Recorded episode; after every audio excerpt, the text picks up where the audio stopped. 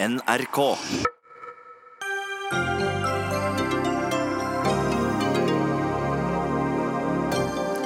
Visste norsk motstandsbevegelse mer om jødedeportasjonene enn det vi hittil har visst, eller har forfatter Marte Michelet trukket for moralske konklusjoner i sin nye bok? Hun møter historiker som mener nettopp det. Kristelig Folkeparti vil gjerne bli en del av dagens regjering, men når de foreslår økt skatt, flere kvoteflyktninger og økt barnetrygd i sitt alternative budsjett, glemte de hvem de mulige fremtidige regjeringspartiene egentlig er. Tromsø kommune anmelder utbygger av vindpark for et utslipp ingen andre har bekreftet. Og innvandringen faller, og fruktbarheten faller, og det får sjeføkonomen Jan Ludvig Andreassen til å spå boligkrakk. Men det er slettes ingen sammenheng der, svarer storbanken Nordea.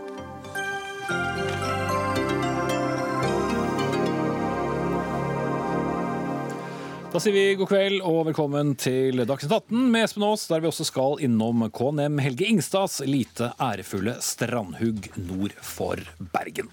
Men først, hva visste hjemmefronten om deportasjonene av norske jøder under andre verdenskrig? Det er hovedtematikk i forfatter og journalist Marte Michelets nye bok 'Hva visste hjemmefronten?', der hun bl.a. forteller om at landets mest dekorerte krigshelt Gunnar Sønseby visste om nazistenes planer om å sende norske jøder til konsentrasjonsleire. Boken har fått god mottagelse hos anmelderne i dag, men ikke alle er helt enig i bildet som tegnes. Og Martin Michelet, vi skal innom det om litt, men for dem som verken har lest anmeldelser eller bok, hva er dette for en slags bok? Hovedfunnene mine er jo at den norske motstandsbevegelsen, i motsetning til det som har vært den etablerte fortellinga, mottok klare forhåndsvarsler om både jødeutryddelsen og en kommende aksjon mot de norske jødene. Og gjorde lite med det. Det andre hovedfunnet er jo at responsen fra hjemmefronten er mye svakere enn det som til nå har vært bildet.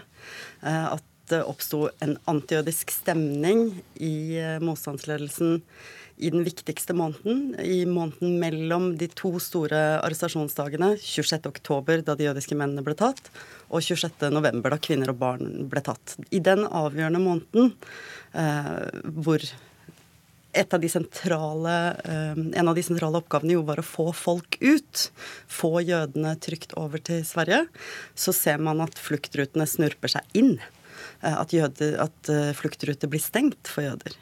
Um, så det, det, det, er rett og slett et helt annet bilde av den veldig viktige perioden i norsk okkupasjonshistorie uh, enn det vi har hørt i alle år. Mm. Så kort fortalt, de visste om det som skulle komme? De, de, fikk klare og tydelige forhåndsvarsler om en kommende aksjon mot de norske jødene. og Det, gjorde, det, det mottok de fra flere forskjellige hold og på flere ulike tidspunkter. Mm. Bjarte Brøa, du er historiker og forfatter av boken 'Holocaust i Norge', og som også er en kilde som Michelet bruker i boken sin. Du har samtidig anmeldt boken i dagens utgave av Dag og Tid, og påstanden om hva slags kjennskap Sønsterud med flere Ja, da fant du den knappen på stolen. Skulle ha til disse deportasjonsplanene, kommer da Det er hentet fra et materiale du selv kjenner til, men som du så bort fra. Hvorfor? Jeg ser bort fra, bort fra det. Du vet, Jeg er jo historiker, og en historiker må vurdere alle kilder opp mot hverandre. Og Da er spørsmålet hvordan man tillegger det vekt. Og det, det er et viktig spørsmål i premissene for Martes bok, som jeg er for så vidt dypt uenig i i min anmeldelse av boka hennes. Så det er jo i den anmeldelsen går jeg jo inn på premissene for fortellingen hennes. Og jeg er nokså kritisk da. Jeg vil jo si først at jeg, jeg syns det er veldig bra at det legger rette søkelys mot dette. Vet, jeg har jobbet med dette i 25 år, så jeg syns det er fint at det jobbes med holocaust som problemstilling. Mm. Men dere har lest det forskjellig? Ja, vi har lest det veldig forskjellig. Hva er grunnen til det? Nei, Grunnen til det er vel at man har en forskjellig innfallsvinkel til stoff. Og kanskje det, det har, har, også med arbeidsmetoder og andre ting å gjøre. Men at, at, det er helt klart at vi har lest det forskjellig, det er jo ikke noe tvil om. Men jeg, jeg syns nok premissene for denne konstruksjonen hun lager med sin fortelling, er nokså spesielle. Og jeg syns kanskje også Hun har i konklusjonen sin så sier hun at tre tyske varslere, altså von Moltke, Stelzer og Geldmacher, de har forskjellige posisjoner, så vi kan diskutere det senere, gjorde mer for å redde jødene i Norge enn den norske motstandsbevegelsen. Det syns jeg er nokså spesielt. fordi men, men, vi må huske på at over 930 mennesker ble brakt ut av landet i denne perioden. og det er, ingen, det er ikke et lite antall. Nei. det lille antallet er vel de ytterst få som kom tilbake, eh, som sier noe om eh, Nå tenker jeg på de som er brakt til Sverige. Som er brakt til Sverige, ikke mm. Men det, din konklusjon, altså din oppfatning da er at motstandsbevegelsen ikke satt med den informasjonen som Michelet mener de satt med? Jeg, jeg, mener jo at veldig mange satt med veldig mye forskjellige typer informasjon. Altså det, var, det kom mye informasjon ut om uh, tilintetgjørsleirer om massakrer på østfronten osv. Dette, kom jo, eh, dette med massakren på østfronten kom svært tidlig til Norge. Men så, så er det jo spørsmål om hvilken sammenheng man skal sette dette i. Eh, både for folk som mottok den informasjonen, for jødene selv, ikke minst. Så det er veldig mange faktorer her som jeg syns Marte Michelet ikke går inn på i sin bok. Så hun baserer mye av premissene på to kilder som hun har hentet fra Ragnar Ulstein. Begge er muntlige intervjuer.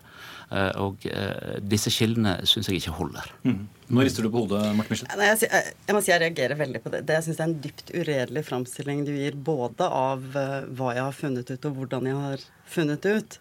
Uh, og jeg syns også det er, det er ganske spesielt også at du sier at, at, alt dette er ting som du har kjent til fra før, og som, at vi har sett på det samme og sånn. Altså, eh, Varselet som kommer fra tysk hold, er aldri undersøkt i Norge. Eh, det er omtalt så vidt i en bisetning i din bok og i en del andre bøker. Men det er jo ikke undersøkt. Hva var det den tyske varsleren eh, Helmut von Moltke visste? Eh, hva var det han fortalte til norske motstandsfolk når han var på besøk i Norge i april 1942 og i september 1942? Og, jeg sier aldri at disse tre tyskerne gjorde mer for å redde de norske jødene. Det er, det er rett og slett en, en, en uredelig framstilling. Jeg sier at varslene som kom ut, både rett i forkant av eh, massearrestasjonen 24.10, de har sin helt beviselige opprinnelse i Theodor Stelzer, den ene av disse tyskerne. Eh, og at hovedvarselet eh, det, det, vi kan takke disse tre tyskerne for, er at varslinga kom i gang eh, på et helt avgjørende tidspunkt. Brura.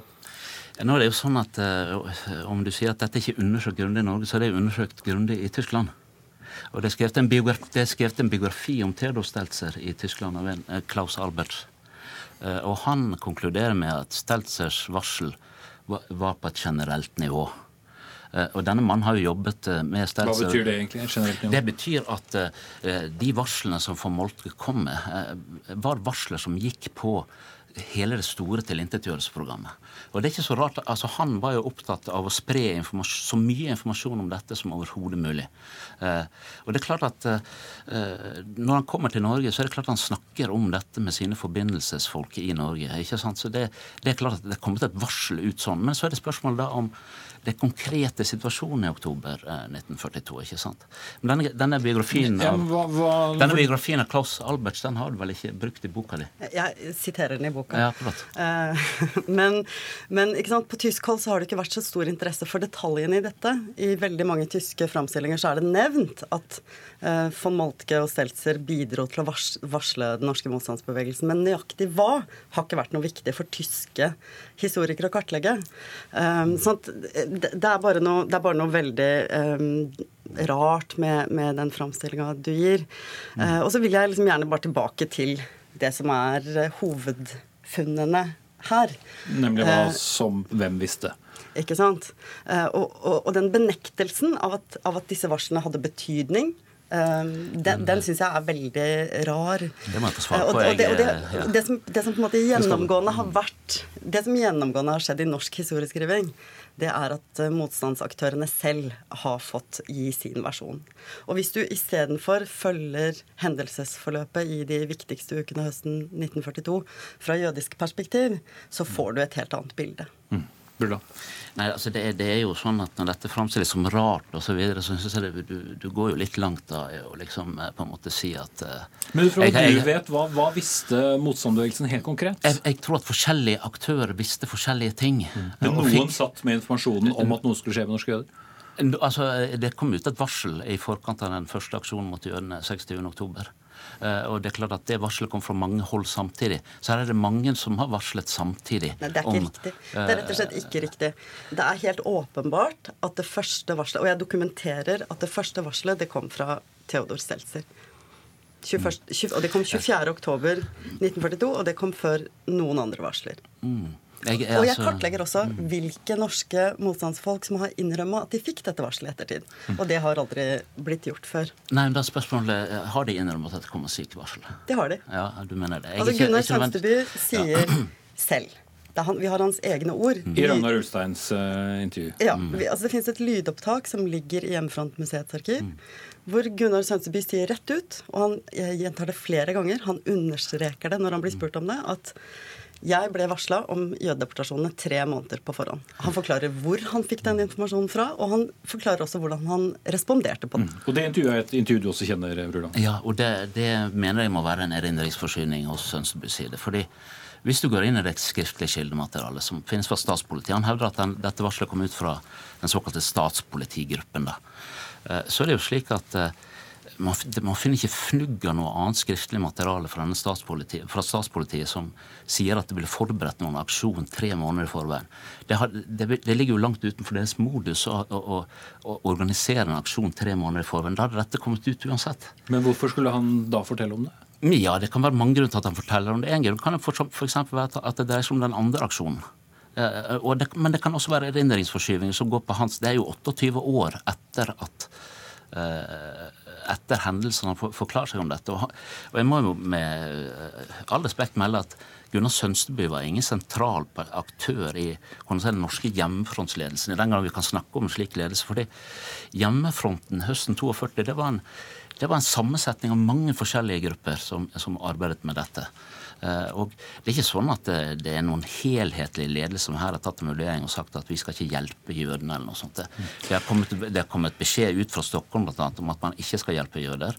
eh, og, det, og, eh, og, og, og slike ting. Og Det har jeg beskrevet i min bok også. Men spørsmålet her er jo et litt videre spørsmål. da. Spørsmålet er liksom hvordan blir dette fenomenet oppfattet? Hva skal skje med disse jødene? Mm. Men, men en kortversjon av det som eh, vel Sønsteby sier, er jo uh, at eh, vi er ikke for å beskytte noen. Uh, altså Vår jobb er å, å drive krig uh, mot tyskerne.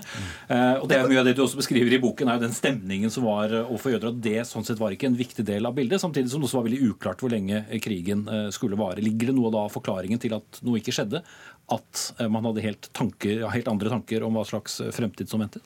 Det er i hvert fall det jeg gjennomgående har funnet. Jeg har jo gått gjennom eh, bunker med krigsmemoarer og alt, alle de stedene i norsk eh, krigslitteratur hvor eh, forvarsler om jødedeportasjonene er eh, nevnt. Eh, og, og altså jeg vil veldig gjerne se, hvis du kan legge fram eh, et eksempel på ledende norske motstandsfolk som i perioden før jødeaksjonen eh, er opptatt av jødenes situasjon, så vil jeg veldig gjerne se det. For det, det har ikke jeg, eh, det har ikke jeg funnet. Her kommer vi for så vidt inn på et sentralt eh, punkt. Det, liksom, det kan være to grunner til at jeg ikke nevner dette.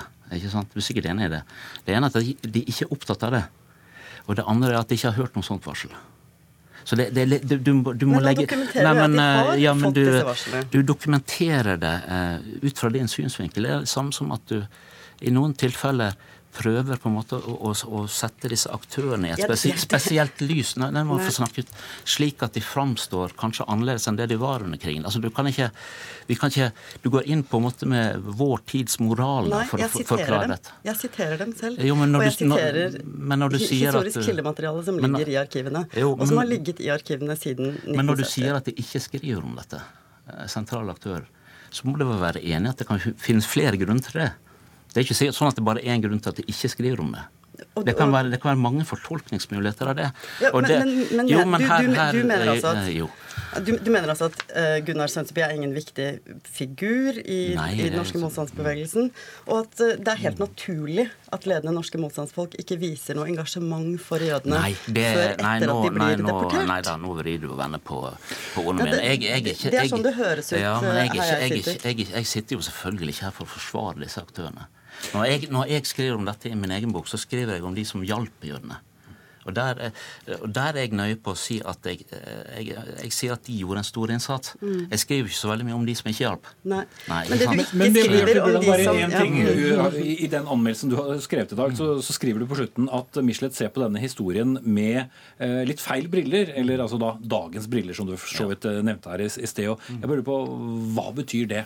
Nei, Det betyr jo at jeg syns hun går inn i stoffet med en slags sånn eh, i en slags sånn eh, allvitende fokus. Altså hun sitter jo med, Vi begge som sitter her, sitter jo med informasjon om gasskamrene og hva som skjedde med jødene.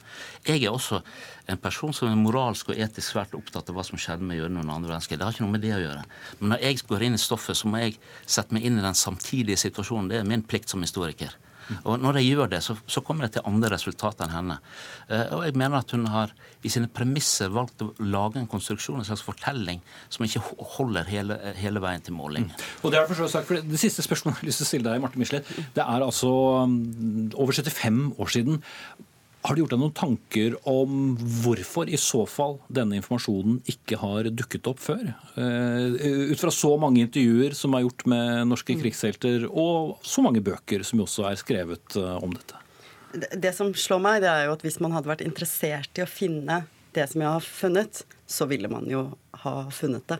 Uh, jeg har gravd lenge, i fire år, for å komme ordentlig til bunns i det. Men det har ligget der. Det har ligget i arkivene. Eh, materialet har ligget der. Eh, og, og jeg syns det er vanskelig å spekulere i motivene eh, for at dette ikke har kommet fram. Men, men, et sentralt punkt her er jo at man har vært for fokusert på motstandsheltenes egne fortellinger. Og har sett det fra deres perspektiv og godtatt deres eh, forklaringer. Mm. Takk skal dere ha begge to, forfatter Martin Michelet og historiker og forfatter Bjarte Bruland. Dagsnytt 18 alle hverdager kl 18.00 på NRK P2 og NRK2.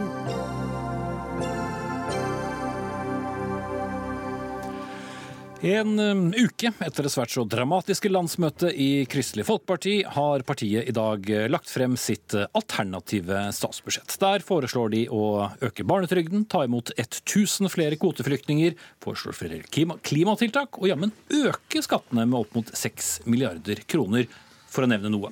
Og Kjengolf Ropstad, nestleder i Kristelig Folkeparti og finanspolitisk talsperson på Stortinget, med fare for å fremstå som, som, pirkete, glemte du hvilke partier eh, landsmøtet ditt hadde bestemt at dere skulle søke samarbeid med? For dette var vel ikke mye Høyre- og Fremskrittspartipolitikk, iallfall? Nei, men det, det er som et godt tegn og, og som en god uh, attest på budsjettet, fordi dette er KrF-politikk, og det er KrF sitt utgangspunkt, og sånn vi mener budsjettet burde ha vært. Eh, også tror jeg for Frp og Høyre som jeg skal, og Venstre Venstre, som jeg skal inn og forhandle med og begynne i morgen, eh, så tror jeg at de opplever det som et veldig gjenkjennelig KrF-budsjett, med mye av de samme profilsakene, enten det er klimafattigdom, som du nevner, eller det er familiepolitikk, eh, omsorg, eldre. Så jeg tror at det blir eh, relativt godt mottatt, og at vi skal få gode, konstruktive samtaler. Jeg vet ikke hva du legger godt mottatt, men uh, uten å spå fremtiden, så ser jeg for meg at både økte skatter og vil være en hard nøtt å svelge for begge, og at i hvert fall Fremskrittspartiet neppe vil være enig med kvoteflyktningene, kanskje?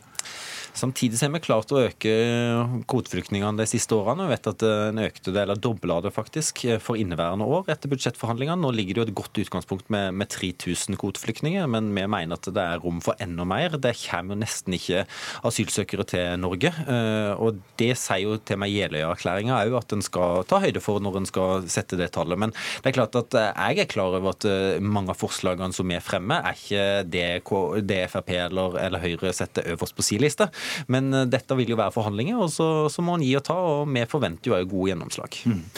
Men nettopp fordi du har laget et veldig klassisk gult budsjett da, med, med kanskje ispedd litt rødfarge, hva vet jeg, i malingsbanene. Eh, er det ikke også eh, en måte å skape stor fallhøyde på? For dette er jo mange saker som man i begge sider av ditt parti vil være veldig enig i, men så vil kanskje mange se at eh, det var ikke så lett å få gjennomslag for dette når dere skulle diskutere det endelige budsjettet med sittende regjering. Altså, når jeg satt her for ett år tilbake og diskuterte at KrF ønska et kraftig løft for eh, skolen gjennom en lærernorm eller sukkeravgiften eller pleiepenger, så ble jeg òg møtt med at dette var ikke regjeringa sin politikk og det var vanskelig å få gjennom. Men i forhandlinger eh, så er det mulig å finne gode løsninger. Og på eh, det løftet som vi ønsker på barnetrygd, som jo er et kraftig løft, men skattefinansiert på en måte som gjør at de som trenger det mest, får mest, er viktig fattigdomstiltak, men òg viktig for barnefamiliene generelt så, så har jo jeg en ambisjon om at vi gjennom forhandling kan, kan snakke oss til enighet og finne gode løsninger sammen. Mm. Hva er viktigst av forslagene? Jeg prøver jo ikke å lage en skala på, på 1 til 5, men det er klart at familiepolitikken med barnetrygden i spissen vil bli viktig. Et løft for kommunene, finansiering av både lærernorm, barnehagenorm, som betyr flere ansatte i, i skole og barnehage, blir, blir viktig. Og òg fjerne kuttet på ressurskrevende tjenester, som òg eh, betyr mye for, for, for mennesker som, som, er i en veldig vanskelig situasjon, og går utover kommuneøkonomien, så vil det òg være viktig. Og, det samme med klimafattigdom. Så, så det er et bredt spekter, spekter, og dette må du huske at er budsjettet for all politikk som legger grunnlaget for 2019. Så uavhengig av, av posisjonen vi ender opp i, så, så, vil dette være veldig viktig for, for KrF og for Norge. Mm. Mulig jeg eh, vet på forhånd hva svaret her, men dere har også hatt landsstyre nå en uke etter landsmøte. Hvor eh, samlet er eh, Kristelig Folkeparti etter å ha slikket noen sår i sju dager? Altså, alle har jo fulgt eh, prosessen og sett at eh, vi har en reell uenighet om et retningsvalg, samtidig som, som, vi er sammen om politikken. Eh, så er det ikke dermed sagt at de som var skuffa på fredag, i dag er fornøyde og ser lyst på livet med samarbeid med, med, med Fremskrittspartiet. Det, det, ville vært naivt å, å tro det. Men vi snakker iallfall godt sammen og, og, er beredt for å jobbe sammen for det beste for å få mest mulig gjennomslag. Så vil det òg ta noe tid, men, men mitt mål òg, som, som, er på den sida som som var glad for retningsvalget, er jo at eh, de som var skuffa, skal se gjennom konkret handling, gjennom politikk, gjennom at eh, personer får posisjoner osv. At vi er ett lag, at det er det gule som ble brukt i, i, i fargeskalaen, eh, som, som, vinner fram, og, og et tydelig KrF-politikk og et gjenkjennelig KrF òg i framtida. Veien videre nå er altså forhandlinger om budsjettet sammen med regjeringen i helgen. Så blir det sonderinger, som det heter, og så kan det hele munne ut i forhandlinger. Men jeg lurer jo fortsatt eh, litt på da, eh, hvor mye dette alternative budsjettet kommer til å spille inn i det som etter hvert skal bli sonderinger og kanskje forhandlinger. Det, det, vil jo som sagt være grunnlag for all politikk neste år, så, så, uavhengig av det så vil det være viktig. Men jeg tror jo at eh, for KrF, i den situasjonen vi er, så, så kommer veldig mange til å være opptatt av at en, at en ser at vi får gode avtrykk i forhandlinger. Det tror jeg jo regjeringspartiene skjønner. Eh, og så, så, kan det jo være at vi kommer i en situasjon der vi ser at eh, vi ikke nødvendigvis klarer å løse det her. At det er noe som må løses i, i sonderinger og eventuelt forhandlinger. Men, men vi kommer jo til å være opptatt av å få mest mulig gjennomslag i budsjettet, fordi at vi ikke helt vet hvor vi kommer til å ende, selv om vi er optimister og, og satser jo selvsagt på å bli enige med regjeringa om en plattform òg til slutt. Mm. Da sier takk til deg, Kjell Ropstad, nestleder i Kristelig Folkeparti, og Geir Ramnefjell, politisk redaktør i Dagbladet. Du har uh, fulgt presentasjonen av det alternative statsbudsjettet i dag. Hvor uh, lett får Ropstad og hans lille delegasjon det med den sittende regjering når de skal diskutere statsbudsjettet, når han kommer med disse forslagene?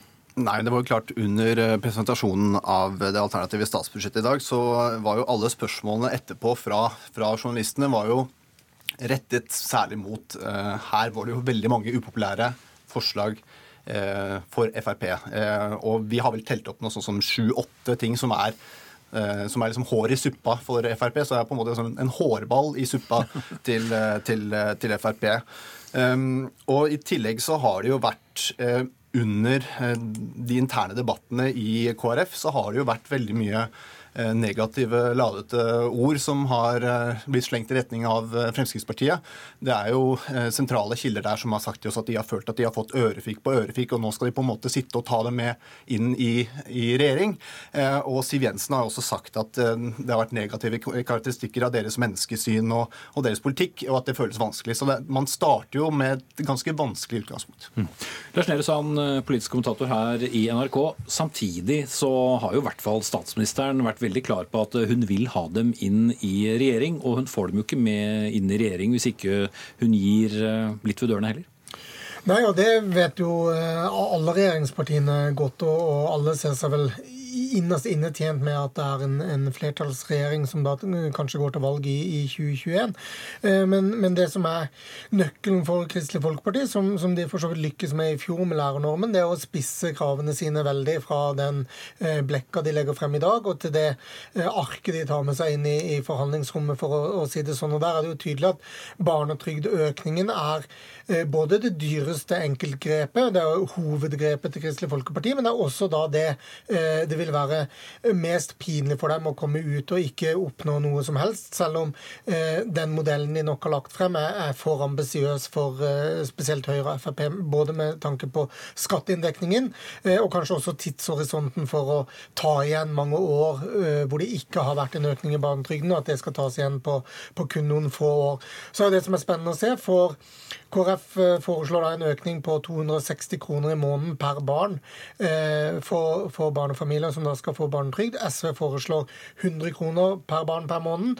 Og eh, hvis Ropstad skal si at man får igjen mer hos høyresiden enn venstresiden, så er jo det i hvert fall noen tall å huske på når de kommer ut fra rommet igjen. Mm. Ja, Ramnefjell, mye, eller Mange av disse forslagene ligner jo mer kanskje på noe man hadde hatt større sjanse for å bli enighet med venstresiden i? Det er jo klart at Dette budsjettet ble jo laget før retningsvalget ble tatt forrige fredag. Så det er jo mye av den politikken her som sannsynligvis ville vært like lett å få gjennomslag for på venstresiden i politikken. Ehm, og det var også klart at når, når, når Ropstad ble utfordra på dagens pressekonferanse om ja, ok, hvilke ting av disse, denne lange listen med liksom syv-åtte Eh, ønskelisteforslag eh, er det dere på en måte vil kjempe med Frp for å, for å få gjennomslag for. Og da stoppa han vel etter å ha nevnt 350-kronersgrensa for, eh, for, netthandel. Og så forsøkte han kanskje å gå litt inn på bilavgifter før han liksom stoppa der. da. Så det er ganske åpenbart at, at, at de, de, skjønner at det er veldig lite av den lange lista av ønske, ønskedrømmer de vil få oppfylt. Ja, for Skatteøkning på 6 milliarder med Høyre og Frp ut fra hvor mye tid de brukte på Arbeiderpartiets foreslåtte skatteøkning i valget, den gir seg vel nesten selv? Ja, det vil jeg tro. Det er også grunn til å legge merke til at eh, KrF flytter på 11 milliarder kroner i dette budsjettet, og 78% av det skjer ved å, eh, eller finansieres ved økte skatter. Så det, er jo ikke noen reelle prioriteringer fra KrF sin side som, som gjør inntrykk, i hvert fall. Eh, og det er jo litt det som er syns jeg hovedinntrykket etter å ha lest budsjettet deres, at, at, det er et parti som ønsker å prioritere sine utgiftsposter, og så henter de penger litt på et mer eller mindre teoretisk nivå, som de nok ikke tenker er nødvendigvis det de går helhjerta inn i forhandlingsrommet med. Eh, men da, da, går det i hvert fall i null på papiret, på en måte. Eh, og derfor er det som Ramnefeld sier, at mye av denne inndekningspakken, spesielt på skatter og avgifter, er nok ting de reelt sett ikke ønsker å brenne for politisk, men som man, man trenger for å, å, gå i null. Kanskje da med unntak av denne netthandelgrensa, som, som har noen næringspolitiske virkninger som, som nok også andre i, i regjeringspartiene ser. Mm. Fordi vi har jo da et ganske sånn splittet parti, som Ropstad har bekreftet at de fortsatt er eh, siden landsmøtet forrige helg. Eh, men nå har de valgt en retning. Samtidig så er det denne veien da fra først budsjettforhandlinger til sonderinger. Og det er vel grenser for kanskje hvor mange skudd for baugen de kan tåle før eh, man skal tro at sonderingene vil gå noe særlig bedre? Ja, her, De sitter jo på en måte med, med to kortstokker. De spiller med to kortstokker. Det er det er forhandlinger om statsbudsjettet, og så er det forhandlinger eller sonderinger om, om regjeringen, eh, regjeringens framtid. Og det er klart at De to de spiller man jo nok litt med samtidig, selv om man, selv om man sier at man tar det i rekkefølge. Eh, så de, tingene, de to prosessene vever seg nok inn i hverandre mer enn, mer de vil innrømme, i hvert fall nå i starten. Lars, du har jo en sånn innebygd eh, politisk eh, kalender. Eh, når tror du vi ser en form for enighet mellom KrF og regjeringspartiene?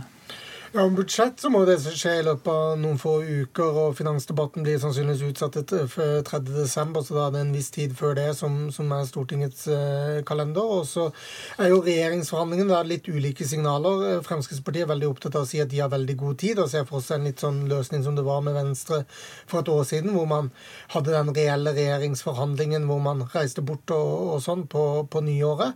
Eh, og er ikke fremmed for å gjøre det igjen, men vi vet at KrF føler de har dårligere tid. og og gjerne vil ha dette gjort unna før Stortinget tar juleferie i slutten av desember. Så det opplever jeg litt, eh, litt åpent, men, men, det mest sannsynlige er vel at vi, vi får et svar eh, før, eh, før jul på, på om man blir enige, og det er jo da et ekstraordinært eh, Eller et landsstyre unnskyld, i Kristelig Folkeparti som da må godkjenne den eh, regjeringsplattformen. Og det er på det møtet Knut Arild Hareide sier han ønsker da å, å gå av som, som partileder. Så det, det, er jo mye i denne sagaen som har fulgt oss denne høsten, som, som skal skrives eh, videre før, før juleferien. Mm. Kult er kult, håper i hvert fall KrF på. Takk til Lars Nehru og Geir Randfjell.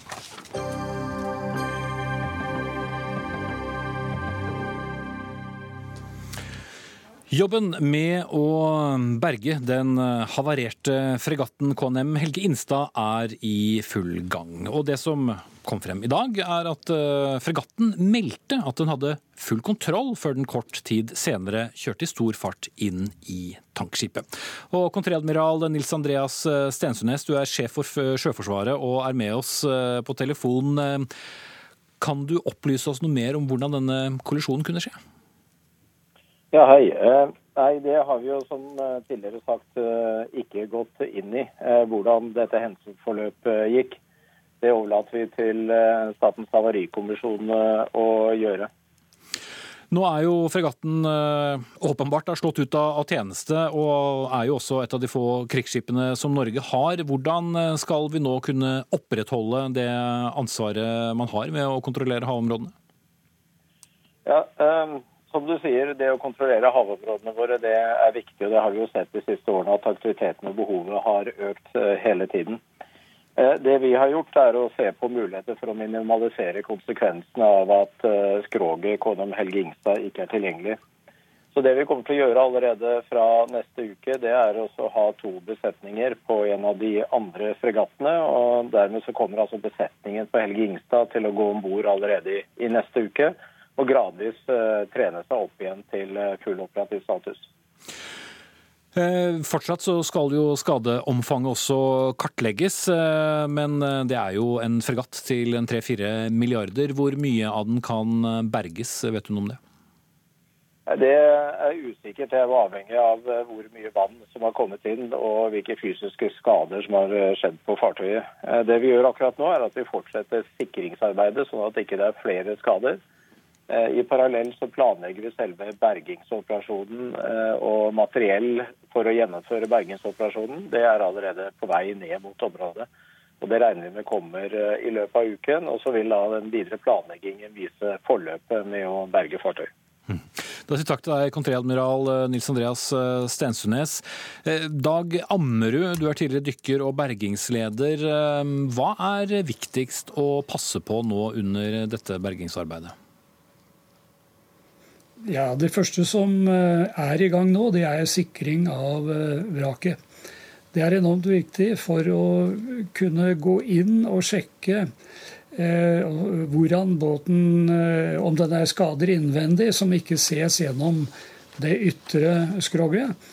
Og prøve å finne ut hvor mye løfteevne, hvor mye eh, løft den har i seg selv, sånn som den ligger i dag. Mm. Det ser ut, det ser ut som det kan være eh, f.eks. Eh, relativt bra oppdrift i hekken, men eh, maskinrømmet er selvsagt fylt med vann. Ja, og vann vil jo spille en veldig viktig rolle når det gjelder hva som kan berges eller ikke. Er det andre faktorer som vil spille inn her? Ja, altså det, det er, vil jo være kritisk i det, i det øyeblikket man prøver å få hevet farkosten. Da er det viktig å prøve å holde stabiliteten hele veien. Eh, og hvis man eh, ønsker å la den flyte, så er det klart den må flyttes antageligvis pga. at det er ganske grunt der. Og det er enormt viktig å holde stabilitet i det øyeblikk man forflytter farkosten. Forflytter eventuelt akterover. Kjell Stormark, du er ansvarlig redaktør for nettstedet aldrimer.no. Du har kalt dette havariet rett og slett for en grusom ydmykelse for eh, Sjøforsvaret. Hva ligger det i det?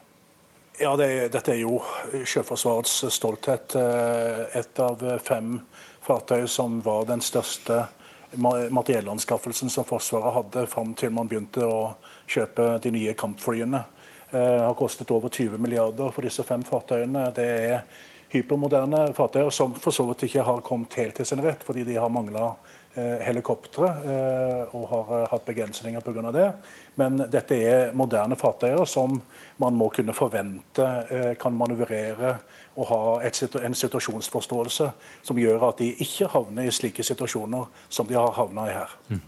Altså ditt eh, nettsted jobber da eh, hovedsakelig med nettopp forsvarsspørsmål. Eh, hva er det dere er mest opptatt av å finne ut nå, Stormark? Altså Det store gjenstående spørsmålet på mange måter er hva som egentlig har skjedd på brua på KNM Helge Ingstad forut for kollisjonen med altså de som hadde kommandoen over skipet? Altså det, er jo, det er jo på en måte kjent nå at det har vært kommunikasjon mellom Kystverkets sjøtrafikksentral og tankskipet med dette, denne fregatten forut for sammenstøtet. Hvor da fregatten meldte tilbake at de hadde kontroll. Men det vi da ikke vet, er om det er omstendigheter i hva som har skjedd på brua og om bord i denne fregatten, som kan gi en forklaring på hva som skjedde. Det påhviler jo en slik fregatt som da seiler uten å ha sin AIS-transponder påslått, som gjør at det er vanskeligere å oppdage dette fartøyet for sivile fartøyer. Eh, og eh, utvise stor grad av varsomhet og manøvrere på en sånn måte at de da ikke kolliderer med andre fartøyer. Hvilket de òg forsikra om at de hadde en plan for eh, når de skulle passere Eh, dette tankskipet. Det betyr ikke at tankskipet kan være fritt for ansvar, men eh, det er et særskilt ansvar som påhviler et militært fartøy som seiler uten transponder påslått. Forsvaret har jo ikke vært overvettes interessert i å snakke om denne saken. Hvordan tolker du det? Ja, Det skyldes nok uh, i hovedsak to ting. Det ene er den formelle delen, at det faktisk er en etterforskning i regi av politiet og en gransking i regi av Statens havarikommisjon, som nå pågår, og som de ønsker å vise respekt for. Men det er òg eh, en del av personellet eh, fra KNM Helge Ingstad som er ganske sterkt berørt av det de har opplevd. Som opplevde ganske dramatiske ting. Det var flere som lå og sov i fregattene eh, sine lugarer.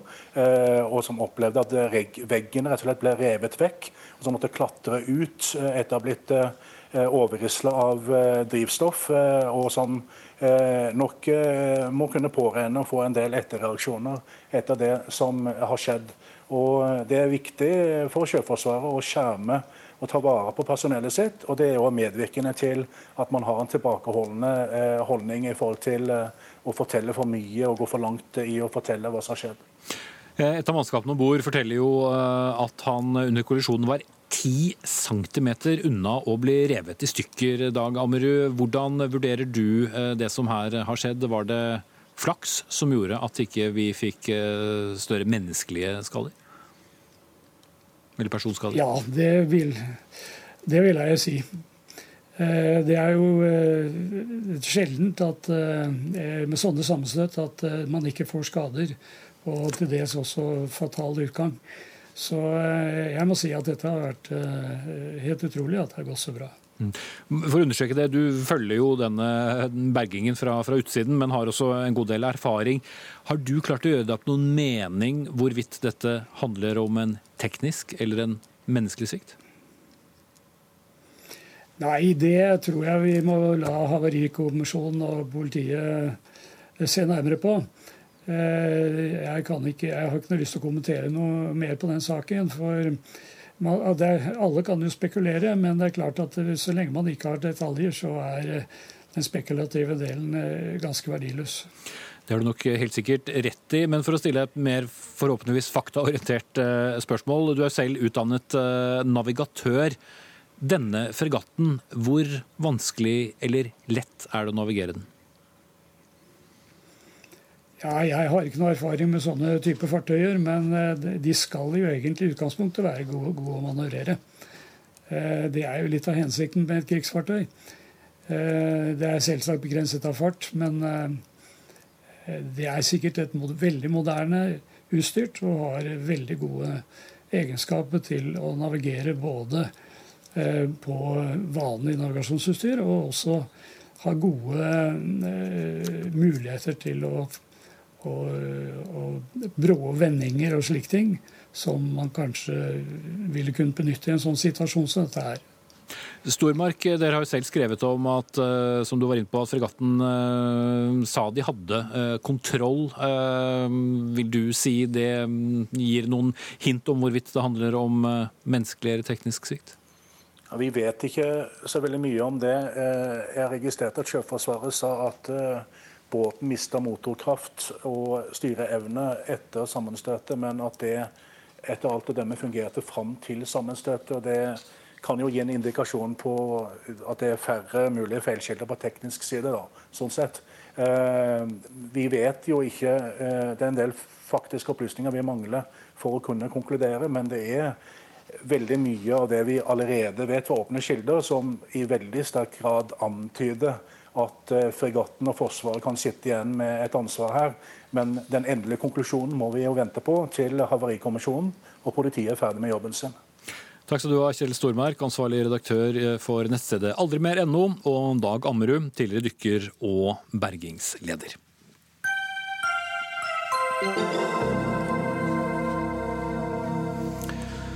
Så skal vi tilbake til eh, landjorden, for det har eh, vært sterke protester fra flere hold mot utbyggingen av Nordlys vindmøllepark på Kvitfjell og Raufjell i Tromsø kommune.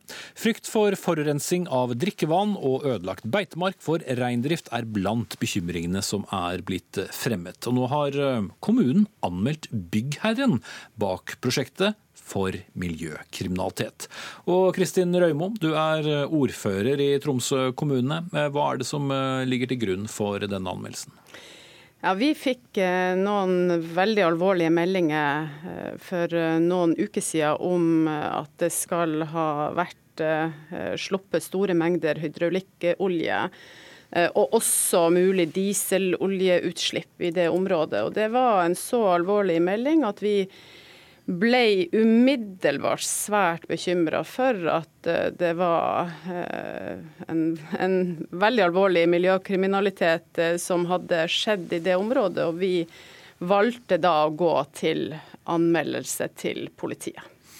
Stefan Klepsland, du er prosjektleder for Vindmølleparken. Hva kan du si om dette hydraulikkutslippet? Hydraulikkoljeutslippet, snarere. Eh, fra kommunen i september om at det kunne ha vært eh, utslipp. Det undersøkte vi umiddelbart, eh, basert på de stedsangivelsene som, som kommunens miljøetat sendte oss. Og Da fant vi ingenting. Og Da var avtalen i slutten av september at hvis kommunen hørte noe mer, så skulle, så skulle kommunen komme tilbake til oss. Og Da er vi jo veldig overrasket når vi først, omtrent en og en halv måned seinere, via media, får vite at kommunen har gått til politianmeldelse for eh, mulige utslipp, når vi ikke har hørt noe på så lang tid. Eh, Hva er det dere vet, eh, Røymo, som prosjekt, prosjektledelsen ikke vet? Altså nå er det sånn at Den anmeldelsen vi har levert til politiet, den kan vi for så vidt ikke gå inn i detaljer på, fordi at vi ønsker at politiet skal etterforske saken. Eh, nå er vi jo eh, i gang eh, da noen uker etter at anmeldelsen var levert, med en ganske omfattende undersøkelse og samtale alle partene imellom knytta til den aktiviteten som er i det utbyggingsområdet. Og det er klart at Meldingene var så alvorlige. Det er et veldig stort sånn nedfallsområde for drikkevann for mange av kommunens innbyggere, for, for, industri og matfiskindustri eh, i det området. Vi er avhengig av å ha full tillit til at drikkevannet ikke er forurensa under noen omstendigheter. Og hvis undersøkelser nå etter hvert viser at uh, alt er OK, det er ingen funn av forurensning, så vil jo det være fantastisk, selvfølgelig. Men øh, hvis det er et stort øh, utslipp, så burde det vel være lett å se. Dette er jo konstruksjoner som øh, nettopp fordi det er vindmøller eller vindturbiner, er over bakken. Ja, altså Nå er jo ikke jeg etterforsker og kan selvfølgelig ikke uttale meg på vegne av politiet og, og de eventuelle funnene eller, eller, mangel på funn som politiet har gjort. Det er på en måte en jobb som de er nødt til å gjøre. og Vi er jo på sett og vis også heldige at vi faktisk har eh, myndighetsnivåer som har anledning til og skal gå inn og, undersøke når man får så alvorlige varsler som det vi fikk. Klepsland, eh, forarbeidet her eh, med konsekvensutredninger, har dere vært nøye nok på det? Ja, det tror jeg. Men det, det, som jeg har lyst til å si her, uh, er at vi uh, som sagt, vi, vi uh, foretok umiddelbart undersøkelser. Det har vært gjort undersøkelser av brannvesenet. Vi har igjen undersøkt basert på den informasjonen vi har fått. Og det som du sier, så store utslipp hadde, Hvis det hadde vært så store utslipp, så hadde man funnet det. Det som vi reagerer på, er når kommunen, som Røymo nå sier, at man ikke kan gå inn i detaljer. Altså Hadde det vært denne type utslipp, så er det jo ekstremt nødvendig å få ryddet opp i det umiddelbart. For ellers kan man jo si at kommunen hadde bidratt til å la disse her oljeutslippene ligge i grunnen. Og kanskje da sive ut i drikkevann, sånn som, sånn som kommunen frykter. Uh, og når, når Røymo sier at man må ha tillit til, til, alle parter, det er jo det vi håper òg. Vi hadde ønsket å vi, vi, har egentlig opplevd at kommunen har hatt tillit til oss. Vi har hatt tillit til kommunen. Vi har hatt en veldig god dialog i dette prosjektet med kommunens eh, avdelinger på vann og avløp og, eh, og byutvikling. Eh, og Derfor er vi så overrasket over at vi nå plutselig ikke engang klarer å komme i kontakt med kommunen. Vi har prøvd hele uken å komme i kontakt med, med miljøetaten uten å få noen, noen, flere, noen, flere, svar på dette. Men har du så, tiltro til at det finnes at, et oljeutslipp? Ja. Snakk, men snakker du til nå snakker jeg til prosjektledelsen her. Altså det, det, det, som vi har sagt, man kan, et, så stort, et så stort prosjekt Vi har eh, et sekstitalls maskiner på fjellet, 100-120 personer. Det, det, det, kan jo selvfølgelig skje, men utslipp av denne størrelsen det hadde blitt fanget opp. Det hadde man visst om. Det, det er ikke mulig å skjule denne type utslipp. Og så snakker man her om tre til fire utslipp av denne størrelsen, altså med mange tusen liter olje som skulle ha lekket ut av en gravemaskin, hørte vi, det, det er rett og slett ikke mulig. Kort kommentar til det, Rømo. Nei, altså Det som er spørsmålet nå, er jo selvfølgelig, som vi etter hvert er nødt til å få eh, veldig klarhet i, er jo hvordan hvordan fungerer avvikssystemet i, i dette prosjektet og i denne utbygginga? Har man muntlig avvikssystem, har man skriftlig, har man umiddelbar varsling? Eh, så spørsmålet nå er jo har, har prosjektleder og prosjektet oversikt over alle disse maskinene? Vi snakker flere titalls store store maskiner som befinner seg i dette fjellområdet. De skal bygge nærmere 70 eh, turbiner i løpet av veldig kort tid som skal settes opp. Har man kontroll? De her spørsmålene kommer vi til å gå inn i nå. Og, og vi er jo glad for at uh, vi også nå får den oppmerksomheten som vi mener at vi trenger for å få den sikkerheten og tryggheten som vi trenger for ivaretakelsen av uh, liv og helse og folk og næringsliv skal bringe inn en tredjeperson her nå. Risten altså, Turi Aleksandersen, kanskje... som er eh, reineier. Du har 300 rein som mm. beiter på dette området hvor vindmølleparken bygges. Onsdag denne uken så lenket du deg fast i en av anleggsmaskinene i forsøk på å stanse dette arbeidet. Hvorfor gjorde du det? Jeg gjorde det fordi at denne utbygginga er en fare for våre reinbeiteområder. Den, eh, den utbygginga som skjer nå på Kvitfjell og Rødfjell, den skjer der hvor vi har våre vårbeite og våre vinterbeiteområder. Hvordan påvirker det? Det påvirker på den måten at vårbeite og vinterbeite er de mest sårbare periodene i året i, eh, i reindrifta. Og i vår, på våren så eh, kalver simlene, og det er den mest sårbare perioden i løpet av hele året. Og det å ha masse vindmøller, vindmøller der, det å ha denne anleggstrafikken, det, det går bare ikke. Kan du ikke beite et annet sted? Vi har ingen andre beiteområder. Hvis, hvis, det var sånn at man bare kunne eh, få et annet beiteområde, så skulle jeg gjerne tatt det imot. Men det er det ikke mulig sånn som det er i dag. Klepsland, eh, er det forsvarlig å bygge vindmøllepark på et slikt område? Ja, eh, men jeg har bare lyst til å bare kort kommentere det som eh, Røymo spurte om. Hun spurte det må bli veldig kort. Vi har avvikssystemer osv. Alt det har vi sendt over til kommuner. Det kunne vi ha sendt over veldig tidligere. Vi har skriftlige avvikssystemer. Vi tar jevnlig vannprøver. Over 250 vannprøver er tatt siden, din anleggsstart, og ingen viser noe utslipp av uh, oljeprodukter. Så kort så det, det sett så er svaret ditt ja på det spørsmålet? Det kunne kommunen fått tidligere. Ok. Ja. Så til reindriften. Når, når, det gjelder, når det gjelder ja, Når det gjelder reindriften, så, så, skjønner vi selvfølgelig at det er utfordrende for, for Aleksandersen uh, i anleggsperioden. Vi prøver å gjøre det så skånsomt som mulig. Det, det, skal være en viss sameksistens. Det er selvfølgelig ikke enkelt. Jeg føler at vi har hatt en jevn dialog med, med Aleksandersen og med jevn eh, reindriften på dette. her. Vi har prøvd å ta de hensynene vi kan i, i kalvingen eh, og i brunsten.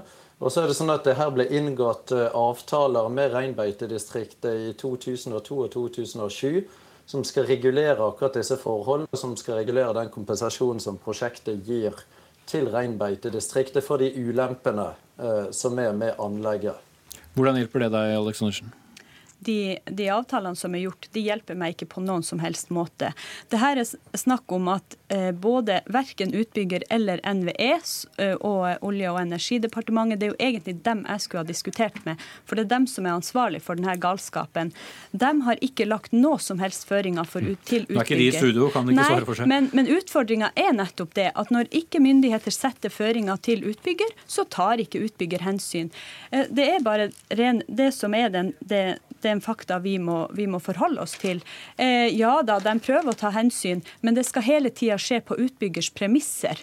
Men kan du ta i bruk eh, beiteområdene når uh, anleggsarbeidet er ferdig? Nei, det kan jeg ikke. fordi at vindmøller, Det viser forskning at uh, vindmøller det er noe som rein skyr også etter at man, har, man, er ferdig med, med, med bygginga. Mm.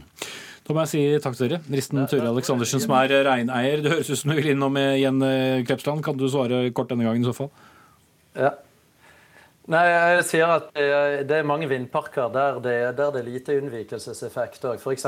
Fakken vindpark i Troms, der, eh, der reinnæringen eh, ikke ser ut til å ha noen problemer med vindparker. Det er flere andre eksempler. Men da, da, da nevner du den eh, ene forskninga som, som ikke viser noe unnvikelse, og det finnes masse andre, andre, som gjør det. Der må jeg sette strek. Stefan Klepsland, prosjektleder for Nordlys vindmøllepark, også ordfører i Tromsø kommune, Kristin Røymo, og Risten Ture Aleksandersen, reineier. Hør Dagsnytt 18 når du vil. Radio NRK Radio.nrk.no.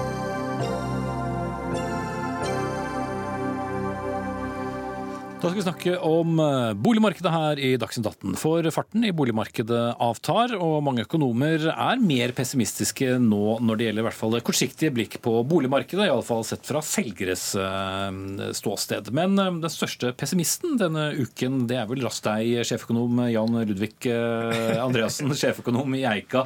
Du ble gjengitt i Dagens Næringsliv i dag etter at du holdt det man vel må kalle et oppsiktsvekkende innlegg under Norges Eiendomsmeglers forbunds konferanse om boligmarkedet, hvor du bl.a sa at citat, dagens boligmarked er det farligste jeg har sett i mitt liv. Hvorfor er det det? Vel, altså Det som skjer nå i verdensøkonomien, er jo at uh, temperaturen faller raskt. Det ser vi jo i kveld på New York-børsen, som er ned 200-300 punkter. Um, og det vil jo ramme Norge etter hvert. Og i denne situasjonen så ønsker både Norges Bank å heve renta, doble det, doble rentenivået, og boligbyggerne å bygge ca. 30 000 boliger, som er om lag det dobbelte hva jeg tror er eh, nødvendig. Så det trenger ikke gå galt. Men hvis de to tingene slår til samtidig i en verdensøkonomi som raskt mister fart, nemlig at man både hever renta mye og bygger altfor mange boliger, ja, da er faren overhengende for at vi får et regelrett krakk i boligmarkedet. Sjeføkonom Erik Bruse i eh, Nordea, eh, har du vært så skremt noen gang? Jeg er ikke så veldig skremt. Eh, for meg så ser utsiktene for norsk økonomi veldig gode ut. Oljeselskapene planlegger for store investeringer neste år. Kommer til å bli mye mer jobber i alt som er oljerelatert. Lønnsveksten er på vei oppover. Og det er viktig å huske at Grunnen til at Norges Bank setter opp rentene, er jo nettopp at det går så bra i norsk økonomi, at lønnsveksten er på vei oppover. Og da tror jeg fint at boligmarkedet tåler et par renteøkninger. Jeg tror ikke noen sånn superfart i boligmarkedet, men, eh, men eh, bolig, kanskje stabile boligpriser. Jeg er iallfall ikke redd for noe krakk i en verden hvor arbeidsledigheten faller, stadig flere kommer i jobb og utsiktene er gode. Men det du peker på, Andreas, eller du argumenterer eh, med, handler jo om andre ting, og en av dem er rett og slett befolkningsveksten, eller mangel på sådan.